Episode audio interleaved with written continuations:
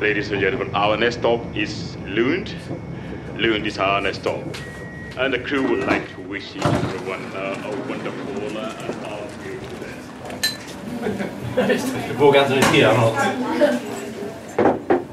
Jag heter Johannes Persson och är professor i filosofi. Jag deltar i ett forskningsprogram som heter Vetenskap och beprövad erfarenhet. Vad är vetenskap och beprövad erfarenhet? Vad det är för någonting? Det är ju dels ett begrepp. Det är ett begrepp som förekommer i svensk lagstiftning.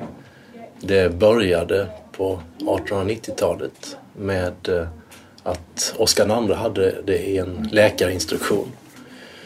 Och sen har det successivt eh, spridit sig därifrån till andra områden. Och eh, det exploderade kan man säga på 1990-talet.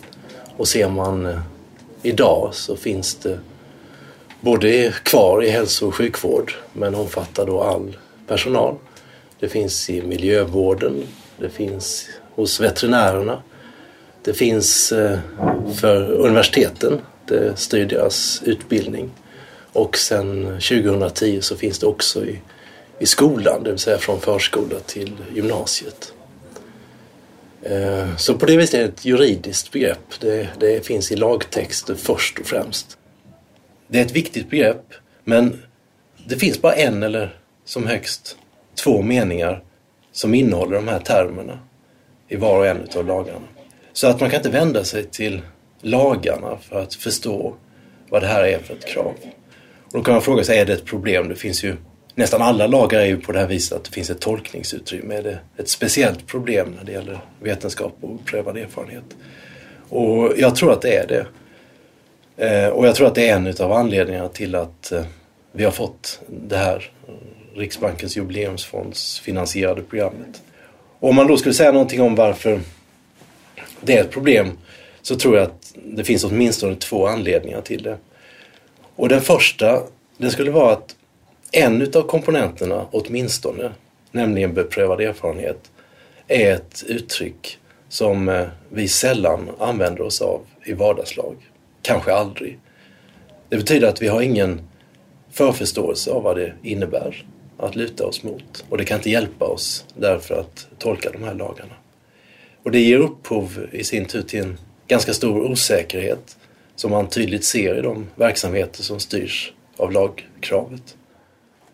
En konsekvens det kan få det är om, om eh, man inte får någon ledning i hur man ska tolka det och alla mer eller mindre tolkar det på olika sätt så blir det väldigt svårt att förhålla sig till både för den som vars verksamhet det här begreppet ska reglera.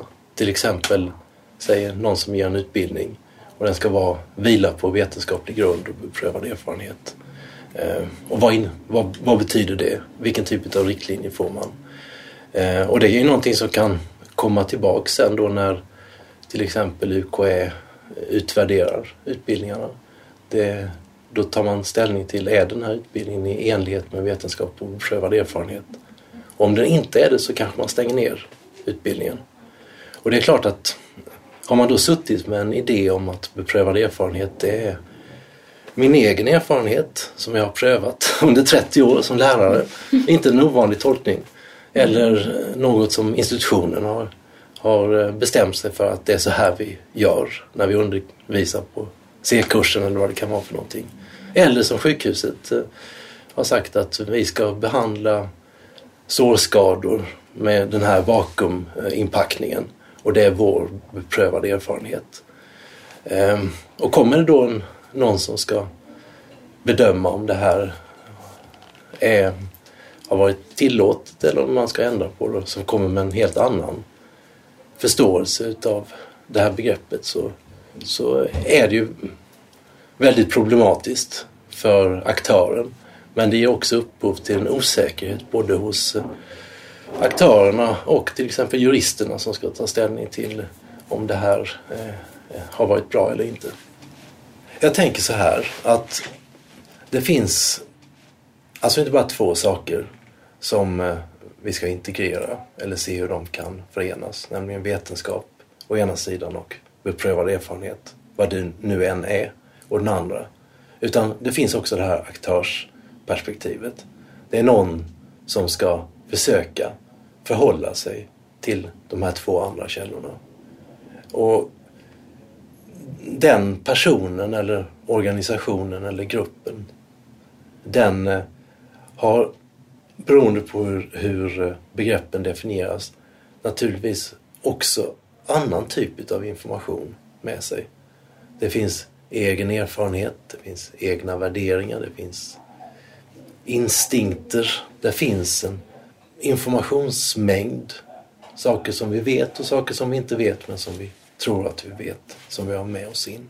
Och det är de här tre, förhållandet mellan de tre, som är den, för mig utgör den viktiga dynamiken att studera.